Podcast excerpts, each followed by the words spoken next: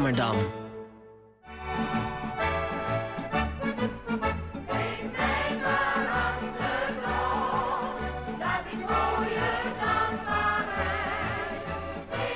Amsterdam. Ik dacht, ik dank God iedere morgen op mijn blote knietjes dat ik in deze prachtstad wonen mag. Maar dat is niet altijd vanzelfsprekend geweest, die schoonheid. Sterker nog, aan het einde van de 19e eeuw was Amsterdam, inclusief haar inwoners, ontzettend smerig. Het is misschien moeilijk voor te stellen, maar waar dagelijks een bad of douche nemen voor heel veel mensen tegenwoordig heel vanzelfsprekend is, was dat voor de arbeidersklasse toen tijd, ruim 100 jaar geleden dus, absoluut niet het geval. Zij leefden in grootschalige sloppenwijken in krotwoningen. En hoewel er na de invoering van de woningwet in 1901 wel degelijke huisvesting kwam, beschikten de meeste arbeiderswoningen niet eens over een badkamer. Als antwoord op deze erbarmelijke omstandigheden van de arbeidersklasse werden er door de gemeente volksbadhuizen in het leven geroepen, waar mannen en vrouwen gescheiden konden baden. Echter was er voor de arbeidersvrouwen in eerste instantie minder ruimte. In de loop van de 20e eeuw kwam hier verandering in. Langzamerhand kreeg de vrouw steeds meer ruimte in de badhuizen en tegen de jaren 20 werden de mannen- en vrouwenafdelingen gelijk ingedeeld. Aan welke sociaal-maatschappelijke ontwikkelingen lag deze verandering ten grondslag? Goedemorgen, beste luisteraar. U luistert naar Radio Zwammerdam, het uurtje wetenschap op zondagochtend. Vandaag gaan we het hebben over Amsterdamse badhuizen, de emancipatie van de arbeidersvrouw en het doorwerken daarvan in onze gebouwde wereld. Aan tafel zit vandaag mijn mederedacteur Momo Schaap. Hallo Momo. Hallo. En ook Nicole Kaandorp. Zij gaat later deze uitzending haar column voorlezen. Hoi Nicole. Hoi. Ik heb een vraag. Vorige week, Momo, ging je uitzending over de Smooth City. Mhm. Een, een rechtgetrokken, schone, tussen aanhalingstekens, stad. En uh, toen ik op de fiets zat hierheen, dacht ik... het is misschien wel leuk om jou een dilemma voor te leggen. Als jij moest kiezen, zou je dan in een hele vieze stad leven... Dat wil zeggen, poep in de gracht, dode vissen in de gracht, um, dat soort onzin. Um, maar een stad waar dus wel schone mensen in leven, dat kan ook los van, los van elkaar bestaan. Dus de stad is heel vies, mensen zijn schoon. Of zou je in een stad willen leven die heel schoon is, maar waar heel veel hele vieze mensen zijn? Ja, ja, ja, ja. ja. Nee, ik, ik denk dat door dat gesprek met René Boer van vorige week ben ik wel echt een believer geworden. Doe mij maar zo'n vieze stad, Ja? denk ik. Ja, dat is volgens mij heel goed voor sociale cohesie. Oké. Ja. En jij, Nicole? Ja, ik weet niet. Als iedereen vies is, dan wen je er misschien ook aan dat iedereen vies is. Dan vind je dat misschien niet... Kijk, want ik wil me niet de hele tijd vies voelen. Dat Ja. lijkt me heel irritant. Maar als, als ik niks beters weet en iedereen is sowieso de hele tijd vies... dan is dat misschien minder erg dan dat alles om me heen... Weet je, moet je dan ook op de fiets door de modder en zo? Het lijkt me allemaal best wel onpraktisch. Ja. Dus Ja. ik, ja, misschien dan toch liever dat iedereen een beetje vies is. Maar dan, ja. Maar alleen als je het niet echt voelt. Ja, nou daar dachten ze dus wel anders over aan het begin van de 20e eeuw. Eh te gast deze week is namelijk niemand minder dan Imke Chatroux. Welkom. Eh, Imke heeft een achtergrond in de stads- en architectuurgeschiedenis en is momenteel werkzaam bij Museum Het Schip als gids en als vormgever bij Artifacts. In haar onderzoek naar Amsterdamse badhuizen stelt Imke de vraag: in hoeverre heeft vrouwenemancipatie een rol gespeeld bij de verandering van de indeling van Amsterdamse volksbadhuizen in de eerste helft van de 20e eeuw? Imke, welkom. Dankjewel. Wat fijn dat je er bent. Ehm, zou je kunnen vertellen waar we dit verhaal beginnen? Ja, eh, zo rond 1850 denk ik al. Eh, na 1870. Toen verdubbelde Amsterdam in eh, inwoneraantal in eh 30 jaar tijd. zonder dat de stad zelf uitbreidde. Dus er was eigenlijk geen plek voor die mensen, geen betaalbare woningen. De woningen die gebouwd werden, die stortten soms wel op de bouwplaats in. Dus dat schoot ook niet echt op. Ehm, dus die mensen kwamen in eh krotten terecht in Amsterdam. En dat waren, ja, even een vergelijk voor jullie. Is, als- je nu naar de Jordaan kijkt, daar wonen ongeveer 20.000 mensen. En destijds waren dat 80.000 mensen. Die eh, met z'n tienen in een woning woonden zonder sanitair. Eh, gingen op een emmer naar de wc, konden zich niet wassen, werkten s- s- 16 uur per dag in de fabriek. Ehm, dus de stad was heel smerig. Ik denk een beetje hoe jij het dilemma net eh, omschreef. Zo was het.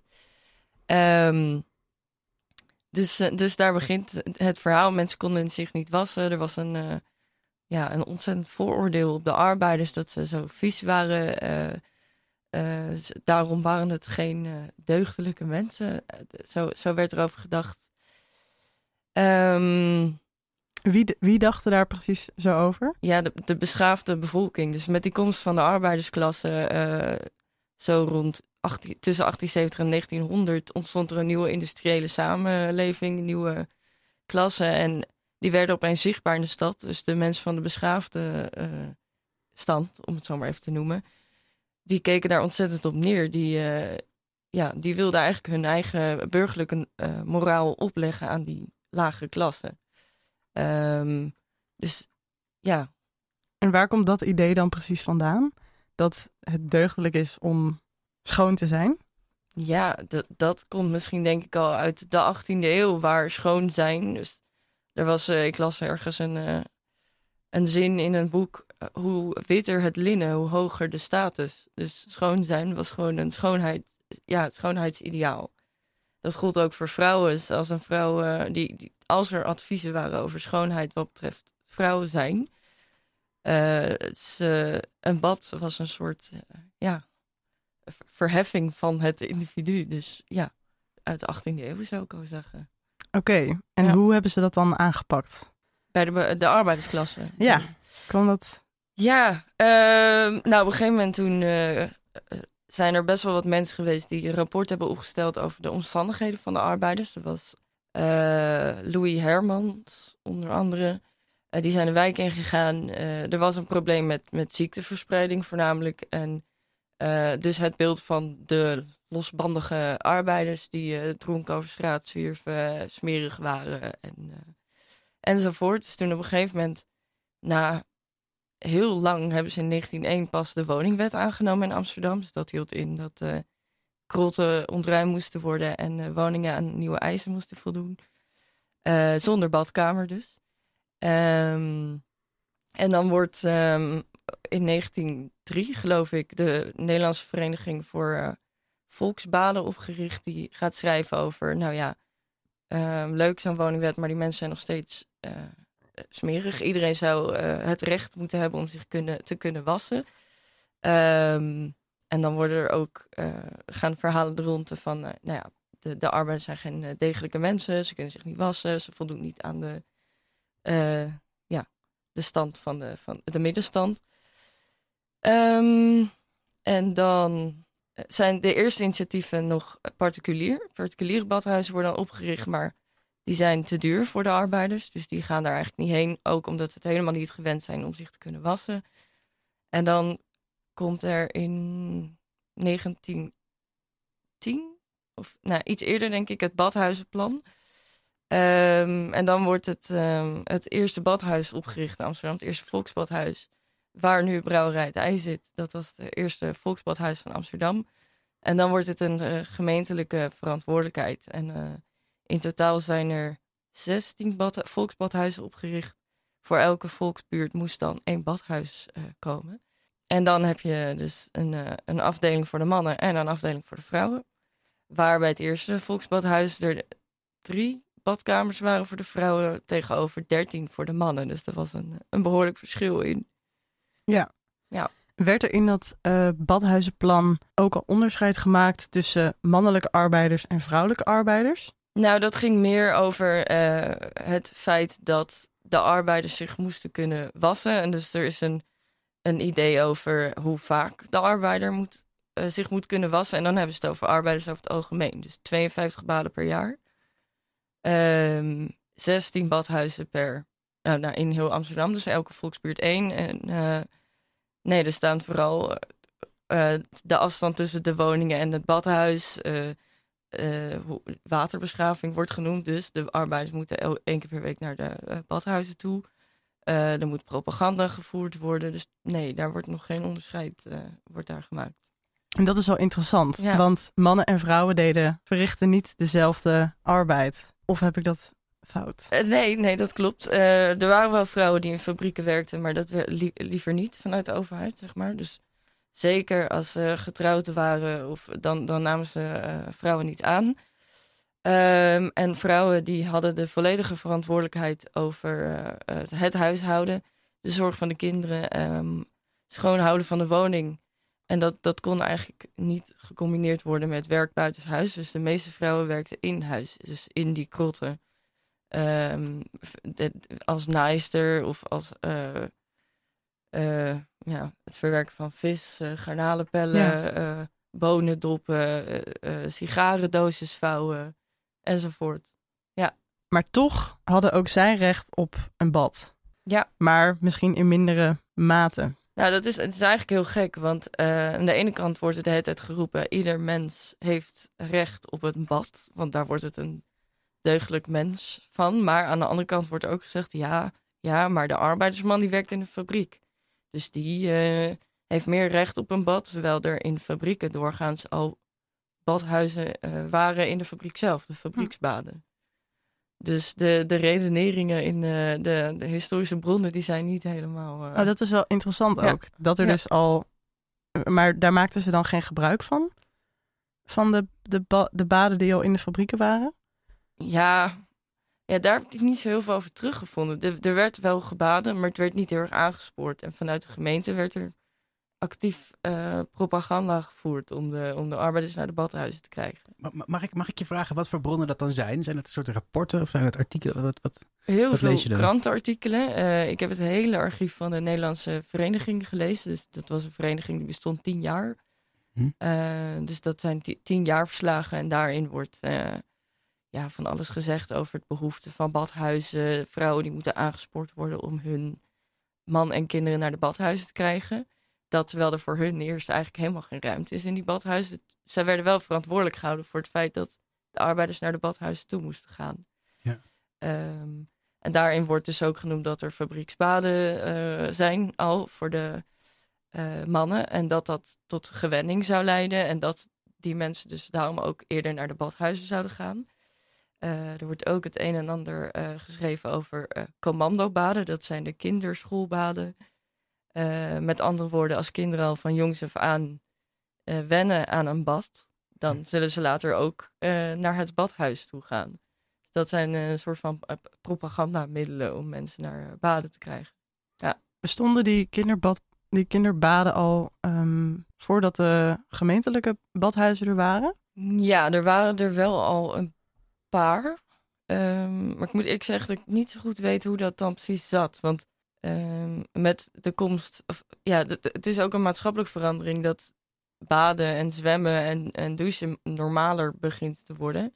Maar de arbeiders moesten er eerst gewoon ook niet zoveel van hebben. Van het baden en douchen. Want dat, ja, waren het niet gewend. En ze waren bang dat het water er juist voor zou zorgen dat vuil zich zou vastzetten in de huid. Dat, dat soort dingen. Dus ehm, ook die, die kinderbaden moesten heel erg gepromoot worden door de gemeente. Ja. En Ja. hoe deden ze dat precies?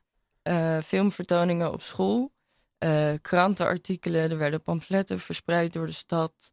Eh, ja, op het nieuws werden dingen naar voren gebracht. De ouders werden aangesproken als de kinderen niet naar de baden toe kwamen. Dat soort dingen. Dus dat eigenlijk, het was eigenlijk ergens ook een, een disciplinerend iets. Heel erg, ja. Ja. En ehm, het eerste badhuis. De- Wat is typerend voor het eerste badhuis dat door de gemeente werd gebouwd? Eh, nou, heel typerend is eh, de ongelijke indeling. Dat, dat is een enorm verschil. Dus dat is een badhuis uit 1911. Ehm, en met gescheiden afdelingen dus al vanaf de ingang. En de vrouwen die hebben nou, twee baden en één douche. Of een, een stortbad werd dat, eh, zo werd dat genoemd. En de mannen die hadden überhaupt geen baden. Ehm, maar 13 douchecellen. Ehm, en dan zijn er, nou pas in de jaren twintig, geloof ik, is er een, een krantenartikel geschreven. waarin stond dat vrouwen urenlang moesten wachten voordat ze een keer een douche konden nemen. Dus toen hebben ze gepleit voor het uitbreiden van de vrouwenafdeling. En dat is ook uiteindelijk gebeurd. Oké, dus er zijn eigenlijk verschillende dingen die je kan zien in, een, in de plattegrond van een badhuis, waaruit je kan afleiden dat het een, eigenlijk een hele strikte seksenscheiding is, die ook nog eens ehm, ongelijk is. Ja. Namelijk dat er überhaupt een seksenscheiding is en dat er verschillende voorzieningen zijn. Ja, dus eh, je ziet eh, verschillende voorzieningen, je ziet verschillende ingangen. Eh, er wordt ook heel duidelijk bijgeschreven: eh wachtkamer mannen, wachtkamer vrouwen, ingang mannen, ingang vrouwen. Dus wordt echt overal eh, wel, eh, staat het er heel specifiek bij. Ja. Ja. En hoe is het toen precies gegaan? Eh, want deze badhuizen werden, die zijn niet allemaal gekopieerd. Ze zijn veranderd door de jaren heen. Klopt. Dus het tweede badhuis, dat is in de, Spaarnammerbuurt. Mhm. Die staat er nog steeds, dat gebouw. Ehm, daar is het al iets gelijker. Dus de verhouding is niet zo heftig als bij het eerste badhuis, maar nog steeds ongelijk. Ehm, en bij die is het heel opvallend dat eh, eh, de vrouwen daar wel stallingsruimte hebben gekregen voor een fiets. Wel veel minder dan eh, de man, maar daar werd dus wel al over nagedacht. Dat, dan praten we over 1916. Eh, en dan komen er in Amsterdam drie ronde badhuizen. Ehm, dat is het eerste badhuis was de Andreas Bonstraat, werd in eh, 1919 gebouwd. Eh, en dat was een beetje het kantelpunt in mijn hele onderzoek, denk ik. Want eh, ik, keek naar die plattegronden, dat waren er heel veel. En in het eerste archief eh, was er een ongelijke indeling. Terwijl in een rond badhuis zou het best logisch zijn om gewoon door de helft een streep te trekken. Maar Ja. er was twee derde ongeveer was bestemd voor de man. en een derde voor de vrouw. En de vrouw die had ook weer meer badcellen dan, dan die stortbaden. En op een gegeven moment zag ik nog een ar- archief van dat ronde badhuis. En daar was een, eh, een, een andere plattegrond, hadden ze de, eh, de tussenwand verplaatst. Eh, waardoor de vrouw er nog eens twee douchecellen bij kreeg. Ehm, en er dus wel een lijn werd getrokken in het midden. Hadden ze wel weer een iets kleinere wachtkamer, maar goed, ze hadden een gelijk aantal voorzieningen. Ehm, dus dat hebben ze aangepast. En dan, dan eh, is het ook de, de wethouder van dat moment, eh, de Miranda heet hij, die dan in een krantartikel stelt van dit hebben we gedaan vanwege het gelijke recht van, van de vrouw. En de twee ronde badhuizen die daarna worden gebouwd, die hebben ehm, een helemaal gelijk indeling, ook qua voorzieningen en... eh, Waar, waar komt dat vandaan dat vrouwen liever baden zouden willen? Ja, Dat vroeg ik me ook af. Dat, dat is een hele goede vraag. Daar ben ik nog steeds niet helemaal uit. Omdat eh, in die artikelen van, eh, van de Nederlandse Vereniging wordt gezegd dat vrou- vrouwen het. eh, nou ja, liever niet baden, want dat, het was, als een, het werd, was een beetje een taboe, laat ik het zo zeggen. Hmm. Ehm, en er wordt ook geschreven, nou, voorkeur voor een, een soort dus een douche, want dat is ja, efficiënter qua vuil. Een bad Ehm, als iemand te vies is en je gaat in bad, dan wordt het water vies. Dus dat heeft geen zin. Dus ik denk dat het idee was: vrouwen worden minder vies. Dus die kunnen het Ah. doen met een bad. En is- dat dan een, een bad, zoals ik me voorstel, eh, gewoon Ja, wel echt een thuis, badkuip. gewoon een, een Ja, ja, lichtbad, ja. niet een zwembad, zeg maar. Nee, nee, nee, een lichtbad. Dus het is echt een Oh, soort douchehokje, maar dan met een badkuip. Dat is wel gek, want ik, ik eh, beschouw baden nu echt als iets wat heel, wat echt een luxe is. Ja, Dus dat is wel interessant dat dat, dat, dat eigenlijk, nou ja, misschien bijna een soort van, dat het een soort straf was om in een bad te liggen. Ja. zo. ja, sowieso het lichamelijke hygiëne voor vrouwen was een, een taboe. Daar werd niet over gesproken, er werd niet over nagedacht. Dus dat, ja, Maar gold dat voor elke vrouw? Of was dat eigenlijk specifiek binnen de arbeidersvrouwen? Dat, dat, dat dat een taboe was? Maar goede vraag. Eh, de, de middenstand had een eigen badkamer. Dus als een vrouw daar zou willen baden, dan kon dat gewoon privé. Dan hoefde je niet naar een openbaar gebouw toe. eh, zichtbaar voor iedereen dat je dus ging baden. Dus ik denk dat dat anders werkte. Ja, Ja, dat is misschien wel interessant om het over te hebben. Namelijk hoe de arbeidersvrouw zich eigenlijk onderscheidt van andere vrouwen. Zou je daar, hoe, hoe onderscheidt ze zich? Ja dat is een enorm verschil. Want een, een arbeidersvrouw, het was sowieso eh not done als een vrouw ging werken. Voor de man niet, eh, omdat hij, eh, hij was kostwinner. Dus als een vrouw moest werken, dan ja, dat, het was een statussymbool als je als, als enige in het gezin werkte en het volledige, ja, zeg maar, al- alles kon dragen zelf. Mhm. Dus als een vrouw moest werken om bij te verdienen, dan was dat een schande. Eh, daarbij komt ook dat een vrouw op straat, eh, ook niet ehm, normaal was in die tijd. Dus zeker zo rond 1900 ging een vrouw uit hogere stand altijd met een escort over straat. Als ze dat niet deed, dan eh, werd ze heel vaak lastiggevallen of werd ze aangezien als een, een prostituee. De arbeidersvrouwen die, nou ja, in de arbeidersbuurten bewogen vrouwen zich wel over straat. Dat was wel wat normaler, maar eh, een vrouw hoorde in huis en niet daarbuiten. En ze hoorde al helemaal niet te werken, want als een vrouw werkte, dan kon ze haar taak als moeder eh, en als huishoudster niet meer goed uitvoeren.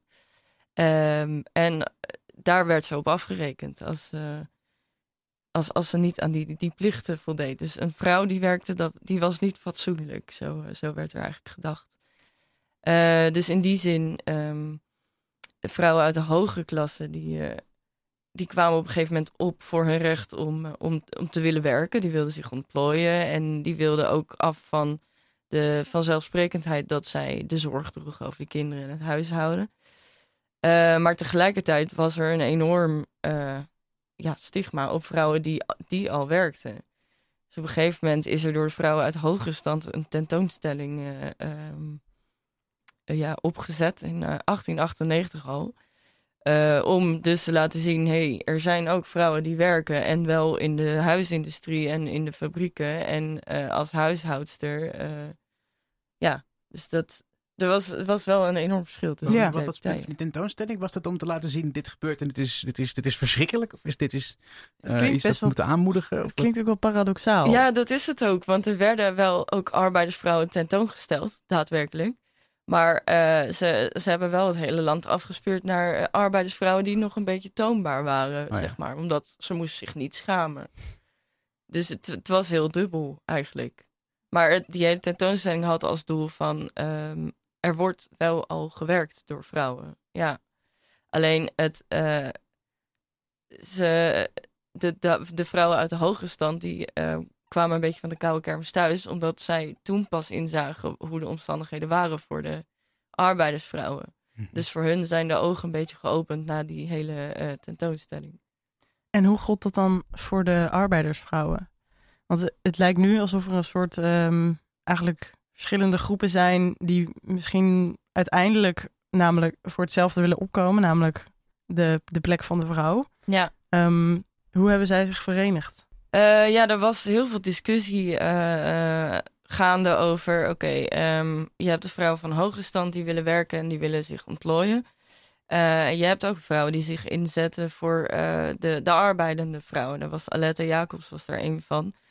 Ehm, maar die, die, die zei dan, ja, goh, ja, de, de arbeidersvrouw is te zwak om voor haar recht op te komen. Want die heeft het zo zwaar. Ehm, en dan eh, zijn er eh, heel veel discussies van... oké, moeten we dan de vrouwenkwestie zien in, in, eh, samen met de sociale kwestie... dus de kwestie van de arbeiders? Of moeten we dat los van elkaar zien? En dan de socialistische partij die zegt dan... nou nee, jullie moeten je met ons verenigen... want wij zetten ons in voor de sociale kwestie. Ehm, dus daar was heel erg een tweedeling. Ehm, en dan is er ook nog eens de vraag... oké, vrouwen willen stemrecht... Moeten de arbeidende vrouwen ook stemrecht hebben? Of geldt het voor de middenklasse? Dus er was ook echt een tweedeling tussen. Ja. Ehm, ja. En uiteindelijk werd de, de eerste feministische golf toch meer een kiesrechtbeweging. En ehm, hoe zou je dit parallel kunnen zien aan dat er dus, zoals je misschien net al zei, er lijntjes worden uitgegumd op de plattegrond van een badhuis? ja, ehm, nou, de emancipatie van de, de burgervrouw, zeg maar, heeft uiteindelijk voor gezorgd dat het standsverschil tussen vrouwen ehm, kleiner werd. Ehm, dat vrouwen meer uit de privésfeer drongen. Dus mannen eh, en vrouwen die bewogen zich nu eh, allebei op straat en dat werd normaler. Eh, het werd ook normaler dat een vrouw ging werken. Ehm, en zo, zodoende werden vrouwen in het openbaar eh, werd normaler, werd, werd meer een, een norm. En dat zie je dus dan in de jaren twintig ook in die badhuizen terug, is dat er meer eh, ruimte komt voor, voor de vrouw. Ehm, en uiteindelijk zodanig dat er geen scheiding meer wordt gemaakt tussen de mannenafdeling en de vrouwenafdeling. ja, en dat is dus in die ronde badhuizen van die tijd te zien. Ja. Heb je daar een, eh, een voorbeeld van? Dat- Van een van de ronde badhuizen waarin eh, dat dus helemaal niet meer het geval is? Oh, nee ja, in die ronde badhuis eh, heb je nog wel een scheiding, maar een gelijkscheiding. Oh, ja, Dus, ja. eh, En de badhuis daarna ook. Ehm, en het eerste badhuis wat geen scheiding meer heeft, dat is in de jaren 40 pas. Oké. Eh, dat is namelijk het badhuis op Javaplein. Ehm daar is, is geen tussenwand meer. Het is gewoon één grote eh, hal met ofwel eh, douches of baden. Maar er zijn wel nog aparte wachtkamers voor mannen en vrouwen. Oké, maar Ja. iedereen baden wel samen? Ja. Ja. Interessante keus. Ja. nou, daar, daar ben ik eh, trouwens niet helemaal over uit hoor. Want eh, er, staat, er wordt niet gespecificeerd van oké, op maandag tot woensdag is het open voor mannen. En Hmm. donderdag tot, tot vrijdag, zaterdag voor vrouwen. Ik heb wel in het stadsarchief is dan wel weer een foto van ingang voor mannen eh, bij dat badhuis. Maar op de pla- platgrond is dat niet te zien. Het is gewoon één entree. Er- Is er eigenlijk warm water in die badhuizen? Goeie vraag. Volgens mij wel. Lekker. Ja. Ja, dat weet ik eigenlijk helemaal niet. Nee.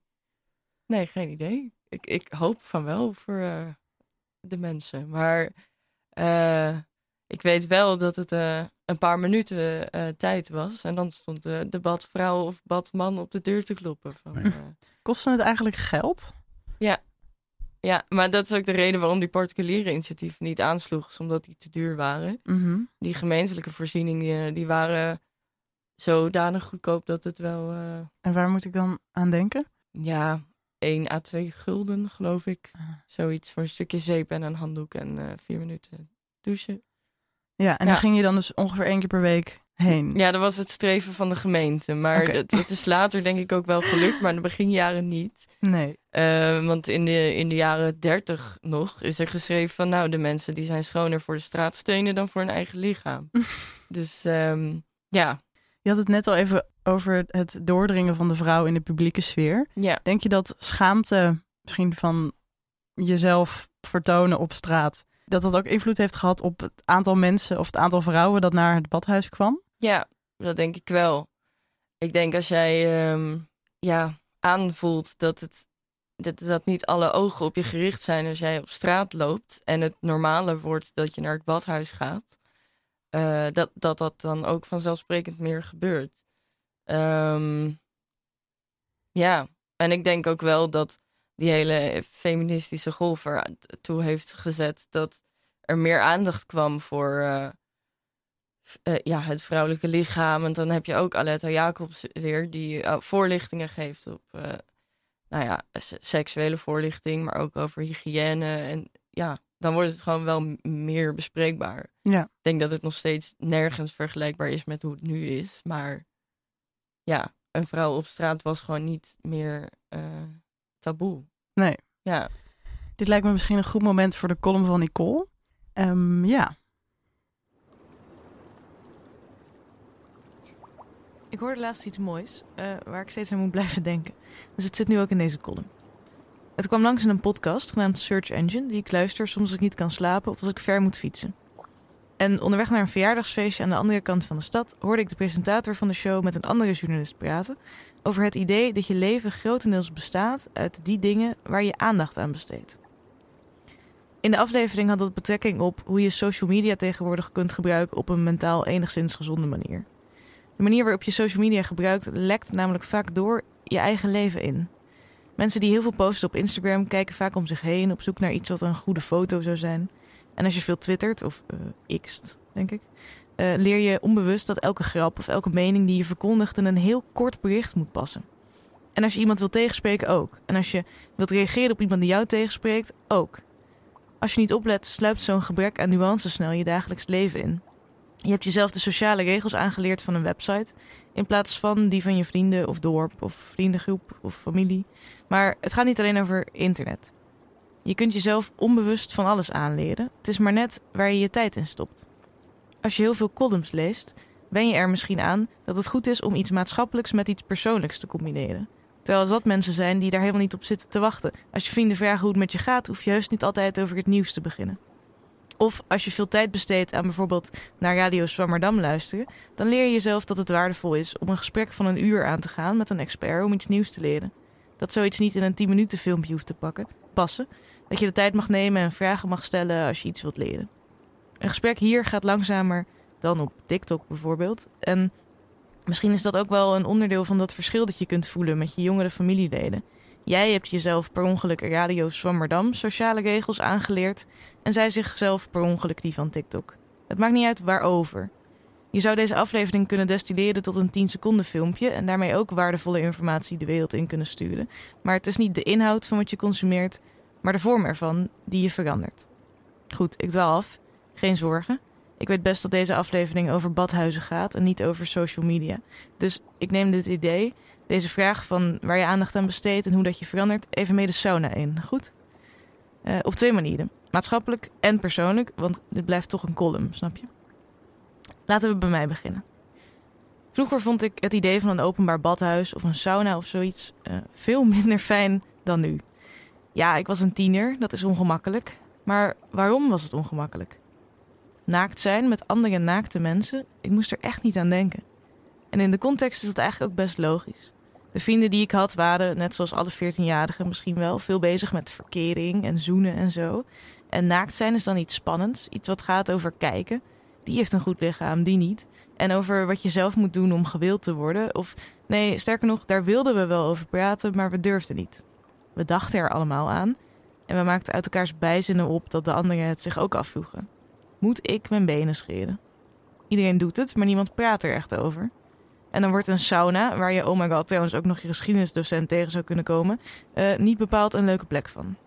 Ik was mezelf en mijn lichaam continu aan het vergelijken met die van anderen. En ik wist dat iedereen dat deed en ik durfde er niet over te praten, want dat deed niemand. En de media zei, kijk, dit model is te dik. Oh, oeps, dit model heeft een eetstoornis, dat is gevaarlijk en we snappen er niets van. Nu vind ik de sauna heerlijk. De demping van dat hout, dat tikken en kraken van de hitte, hoe mijn huid tintelt, hoe diep ik kan uitademen en dan de stoom weer in.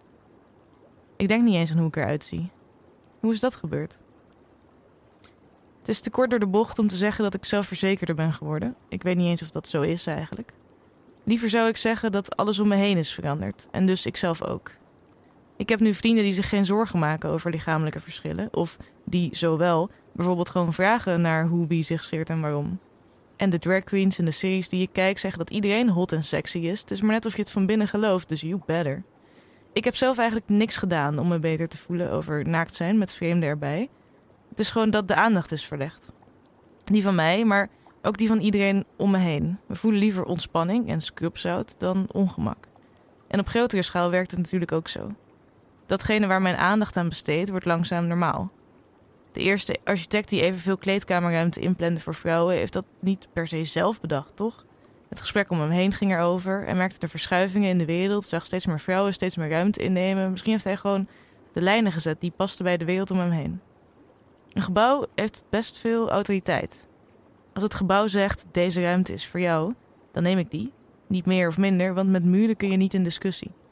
En als ik overal weinig ruimte heb, wen ik daaraan. Denk ik dat dat zo hoort. Een gebouw is een publieke ruimte, net zoals een website of een sociaal medium een publieke ruimte is. En van Twitter kun je misschien nog wel af, maar het is goed om ons af te vragen welke sociale regels we onszelf per ongeluk aanleren door de plaatsen van muren. Dankjewel. Wat een, wat een prachtige column. Ja.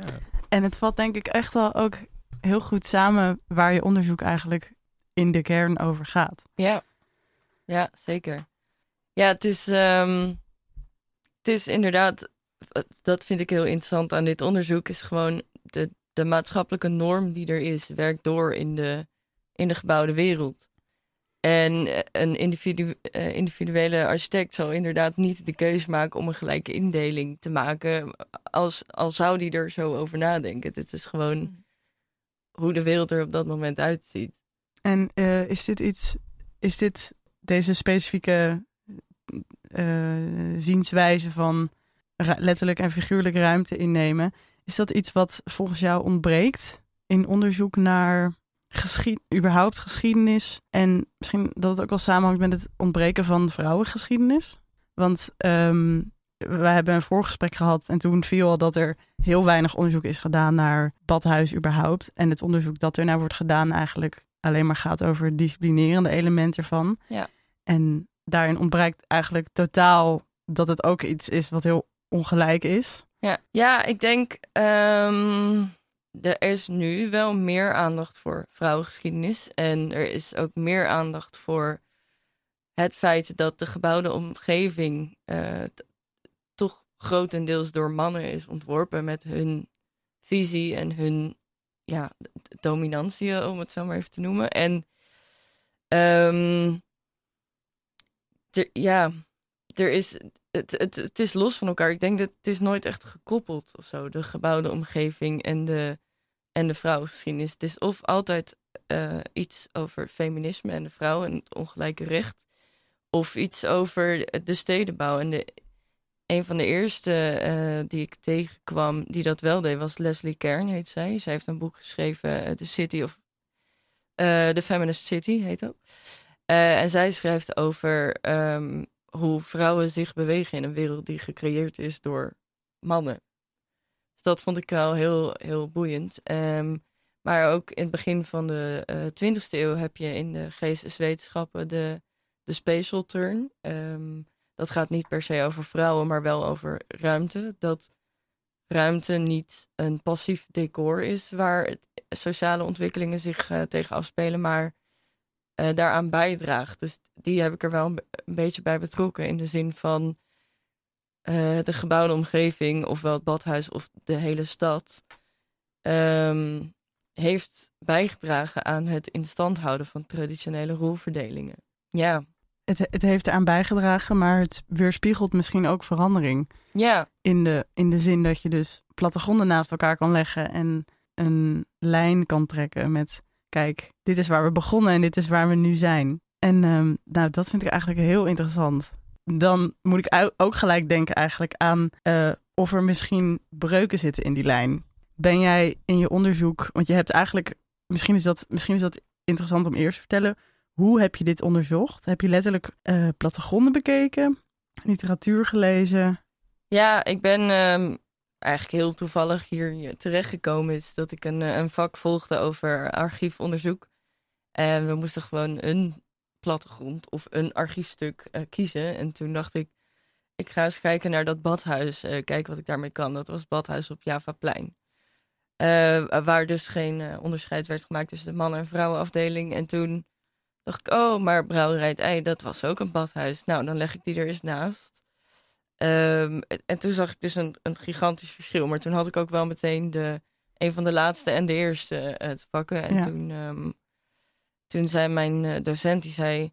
Nou, ga eens kijken wat daartussen zit dan. En toen eh, kwam ik bij die ronde badhuizen, waar het heel duidelijk is. Ehm, maar heel veel badhuizen die ertussen liggen, die eh, trekken lang niet allemaal die lijn door. Van, eh, het is niet zo dat het vanaf de jaren twintig opeens klaar Nee. was met de ongelijkheid in die badhuizen. Want eh, in de Jodenbuurt ehm, was een badhuis die ook best ongelijk was. En die was in 1925. Ehm, heel veel badhuizen daarna in, de, in, in de pijp, onder andere, daar zijn de voorzieningen op zich gelijk, maar krijgen vrouwen best een kleinere wachtkamer.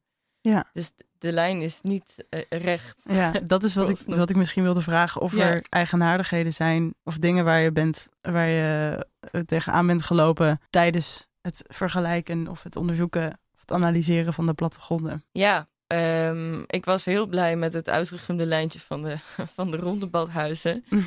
Eh, maar ik was iets minder blij toen ik zag dat de badhuizen die daarna gebouwd werden, toch nog wel asymmetrisch waren.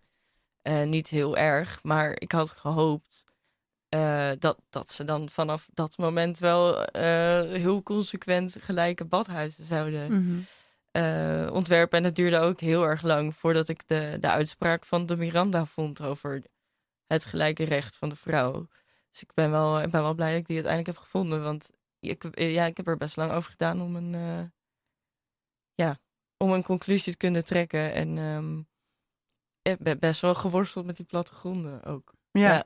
Hey, en ehm, we hebben het nu jij hebt het nu steeds over het, het eerste en het, het laatste soort van badhuis. Maar die, die badhuizen die in het begin zijn gebouwd, die bleven toch nog wel een badhuis, terwijl die andere gebouwd werden. Ja. Dus eh, tegelijkertijd met dat er op het Javaplein een vrij gelijk badhuis was, was er, eh, nou ja, nog, wat is het, de 300 meter verder of zo zat een badhuis waar veel minder ruimte voor vrouwen was, nog steeds. Ja. Is Ja, dat zo? nee, eh, die hebben ze in de jaren twintig dus uitgebreid met zeven Ah, ja. extra eh, douches voor de vrouwen en een tussenwand die verschoven kon worden als er nog meer ruimte nodig was. Ja, dus die, die oudere badhuizen die, die veranderden ook zelf nog Ja. in de loop van de Ja, tijd. en in het geval van de Spaarnamer buurt hebben ze, want vrouwen die douchten altijd, of die gingen dan, eh, er was een ingang voor vrouwen en kinderen. eh, en één voor mannen. En in de Spaarnamer buurt hebben ze toen een kinderbadhuis eraan gebouwd in de jaren twintig. Zodat de vrouwen minder lang hoefden te wachten op al die kinderen die eerst nog eh, moesten douchen. Dus eh, ja, daar, werd, daar werden ook veranderingen in aangebracht. En je hebt het over het laatste badhuis, dat, eh, het laatste gemeentelijke badhuis. Want dat, dat lijkt dus te impliceren dat het op een gegeven moment klaar was. Het laatste badhuis, er is toen nog een badhuis, eh, dat is nu het Marnixbad. Mhm. Dat was eh, de jaren 50. Eh, en het allerlaatste badhuis was op de Da Costa-kade. En die bestaat nog steeds. Ja. Ehm, En dat is het, het enige badhuis van de 16 badhuizen die je hebt bestudeerd die nog functio- functioneert als badhuis. als badhuis, ja. Ja. Want in de jaren eh 60 nam het badhuisgebruik af. Mhm. Eh, omdat heel veel buurten gesaneerd werden. En ehm, eigenlijk was het vanaf de jaren 30 al verplicht om in woningen een badcel eh, aan te leggen. Maar heel veel mensen waren toen al eh, zo gewend aan die badhuizen dat ze dat voor extra opslag gebruikten en nog steeds naar die badhuizen bleven gaan. Ehm, maar in de jaren 60 krijgen de meeste woningen dan toch een badkamer. En in de jaren 80 worden heel veel badhuizen gesloten, omdat, omdat eigenlijk bijna geen mensen meer. eh, of het bezoek zodanig afneemt dat, dat ze niet meer kunnen. Ja. Ja. Leegloop. Een leegloop, ja. Ik zit te denken, het zou eigenlijk heel handig zijn als badhuizen weer heropenen. In verband met de woningnood. Ja, ik, ik zit helemaal te denken, kan ik niet gewoon een kast in mijn douche Ja, zetten? dat gewoon, dat zou Toch ergens anders? Ja, zeg maar, dat, dat zou toch geniaal zijn? Dat we alle badkamers ombouwen tot, tot woonruimte. En dat iedereen gewoon naar een badhuis gaat. Of denk je dat het niet... zou dat best het- leuk zijn. Wat denk jij ervan, Ja. Momo? Eh, eh, ja. Eh, nou goed, het zet niet echt zoden aan de dijk, toch? Ik, ik, ik- in bad kun je wel lekker liggen, maar toch nog net niet, net niet slapen zo. Nou, sommige mensen hebben een badkamer. Die zou je echt voor 500 euro Oh ja. kunnen verhuren. Ja. Ja. En dan krijgen we weer huisjesmelkers. Die, eh, ja. Badkamermelkers. Ja. ja, dit is misschien een beetje een ongerelateerde vraag, maar het werd net al genoemd. In eh, het badhuis van Javaplein zit een eh, brouwerij. Ja. En er zit ook een brouwerij in het allereerste badhuis. Ja. Ehm, brouwerij het Ei. Is dat toevallig of is dat gerelateerd aan, aan de- hoe een badhuis gebouwd is? Ja, ja ehm, het, het was in de jaren tachtig. dacht ze, ja, wat moeten we met al die gebouwen? Er zijn een, een paar gesloopt, maar het meeste niet. En een brouwerij, eh, die kon makkelijk aansluiten op de leidingen die er toch al waren van, eh, van de badhuizen. En de watertoevoer. Dus eh, dat was een, een goede oplossing. Dus dat is, dat is geen toeval, nee. Mag, ik- mag ik nog iets één vragen over, ook ongerelateerd, maar ik nu mijn kans. Maar over, over een beetje de, de, de diepe geschiedenis van Badhuis. Want ik moet eigenlijk in eerste instantie denken aan iets Romeins of zo. Van, Ja. ehm, die hebben het dan overal aangelegd. Maar kun je, wat is eigenlijk de grafiek in de tussentijd?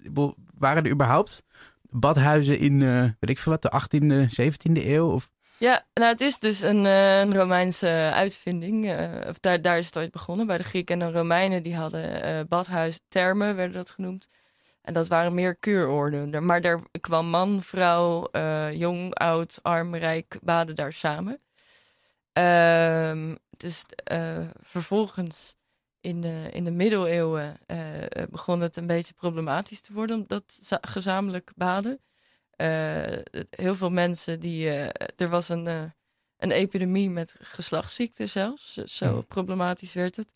En toen de christelijke.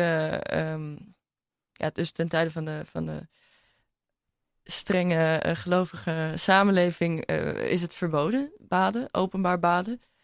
Eh, dan op een gegeven moment in de, de renaissance begint het weer een opleving te krijgen, omdat het dan ook meer gezien wordt eh, als eh, zie- ziektepreventie, het baden. En het, is, het, is een beetje zo'n golfbeweging steeds van of het moreel kon baden, of dat het iets was voor de elite, of dat het iets was medisch gezien. Maar in de 18e eeuw was het eh, toch wel weer weggelegd voor de elite. En dan krijg je dus dat hoe eh, witter het linnen, hoe, eh, hoe Ja. hoger de, de status. En op een gegeven moment krijg je ook knijp van de, van de zeep die we nog kijken. En Priesnitz, dat zijn twee geleerden die zich hebben verdiept in wat hygiëne, lichamelijke hygiëne kan doen weer voor ziektes. Dus eh, regelmatig baden, eh, ventilatie, luchtige kleding. Ehm, maar nog steeds is dat te, ja, te duur voor de armen. Dus daar, eh eh, Priesnitz heeft daar wel ehm, aandacht aan besteed, maar dat is nooit echt van de grond gekomen. En dan pas weer eh, met de komst van de volksbadhuizen wordt het weer iets voor de, voor de allerarmsten. Ja. Ja. En, en dan zijn er daarvoor ook in de 19e eeuw zijn er gewoon geen regels over weet ik niet, volkshygiëne of wat dan ook. Dat is echt. eh, Ja, er zijn wel individuen die daar adviezen over hebben en eh, zich daarover uitspreken, maar er wordt met, door de gemeente gewoon niks mee gedaan. Dat de gemeentelijke interventie kwam vrij laat in Nederland. In Engeland was het in 1850 al eh, zo'n dat de gemeente verantwoordelijk was voor de badhuizen.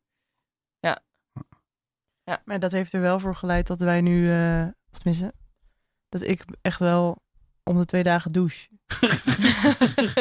dus dat is eigenlijk wel fijn, toch? Deze ja, ik vond het wel een, een, gek, een gek idee. Ik dacht, eh, voor ons is het nu normaal dat je elke dag doucht. Sommige mensen douchen twee keer per dag.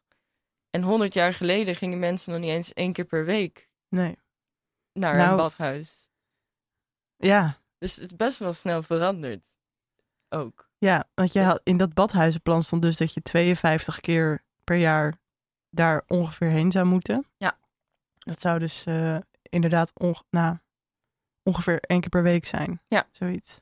Maar er zijn toch nu ook allemaal mensen die zeggen dat het eigenlijk niet goed is voor je huid om elke dag te douchen? Ja, Er is toch ook een soort eh, nieuwe richtlijn voor de- minder douchen? we gaan weer terug naar de één keer per week. Ja, wie weet. Nou, haren wassen. Dat maar ook zijn... je huid, volgens mij. Ja? Ik ja, weet niet. ook gehoord. Ja. Je moet in ieder geval niet te warm douchen. Ik douche heel warm.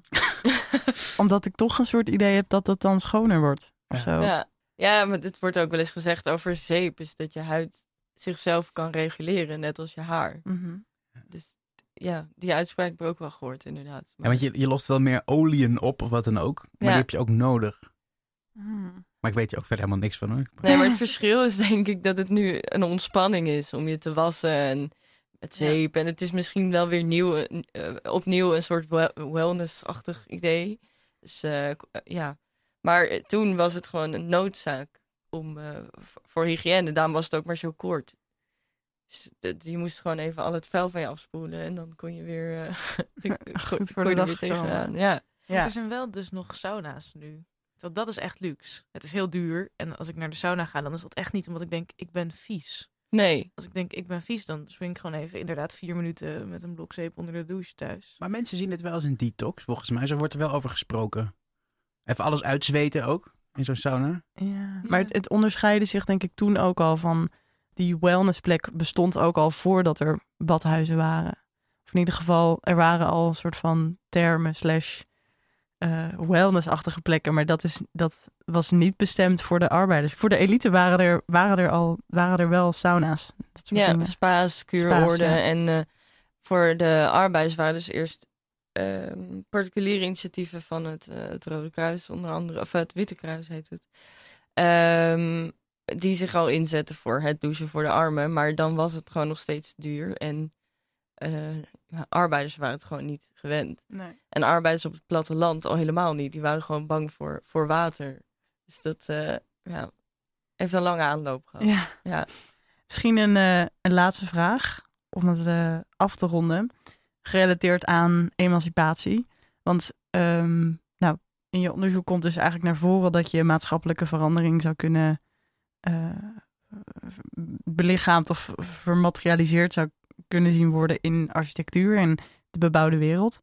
Ehm, hoe zie je dat bijvoorbeeld voor je als we het nu hebben over eh, genderneutrale wc's? Ja, nou, het is wel wederom een maatschappelijke verandering die doorwerkt in een interieur. Of er wordt in ieder geval over nagedacht, oké, hoe, hoe delen we een wc of een toiletgebouw zo in dat iedereen daar terecht kan? En dat Mhm. is dus niet meer alleen mannen en vrouwen, maar maatschappelijk gezien is er nu ja, weer een verandering waarover nagedacht moet worden hoe je dat, hoe je dat in gaat delen. Dus ja. Ja. Zou je dan je volgende onderzoek willen doen naar wc's? dat weet ik nog niet. eh. Dus misschien zie je wel weer dat de lijntjes worden uitgegumd. ja, Ja, Wie weet. Ja. Nou, misschien eh, over een tijdje als het de archief ingaat, dan eh, ja. kan ik er weer iets mee. Ja. ja, of lijntjes of bordjes. Bordjes worden afgeplakt. Als de Ja. lijntjes zouden uitgummen, dan zou iedereen naast elkaar op de wc zitten. Of denk je dat dat de toekomst is? Dus, je hebt ook, Ja, nou, ik- hebben we, hebben we het zo nog maar ik snap, ik snap wat je bedoelt.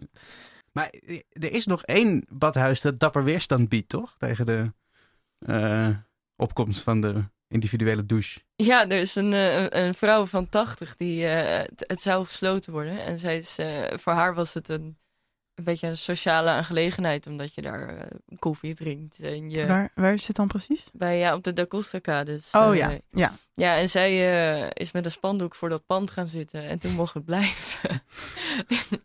ja, er zijn hele leuke foto's van. Maar ehm, Ja, ik begrijp dat dat ook ehm, gedeeltelijk ook nog open is, omdat er dakloze mensen Ja. daar terecht kunnen. je kan voor 1,50 eh nog steeds een, eh, een douche nemen of een, eh, of een bad. Ja. Je kan daar ook naar de sauna. Dus het is ook wel iets meer een eh, wellnessplek geworden. Maar het is er nog steeds een sociaal badhuis. En Het functioneert nog steeds als een, als een openbare Ja. aangelegenheid. En ze hebben ook nog de oude, de oude klokjes laten hangen aan de buitenkant. Ja, De, dat je op de douchetijd. ja de douchetijd. Ah. Ja. Even, even pootje baden in de vroege 20e eeuw.